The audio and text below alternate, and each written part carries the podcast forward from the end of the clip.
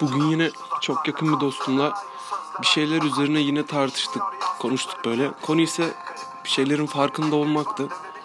Ben dedim ki yani bu tüm yaşadığımız olan şeylerin sebebi bu boktan hayatın getirileri birilerinin veya bizim yani senin benim orada oturanın şunun bunun bir şeyleri fark etmesi üzerine ya da fark etmeden ya da fark etmediğini bile fark etmeden öylece devam etmek üzerine dedim. O da bence öyle değil fark ederler ama başını eğip devam ederler dedi. Yani bilmiyorum hangisi daha doğru ama bazı şeyleri fark etmemek kesinlikle insana daha az acı ve hüzün veriyor. O yüzden zaten ne kadar salak varsa mutlu hep yani öyle gözükür. Belki de düşünmemek bazen değil her zaman güzeldir.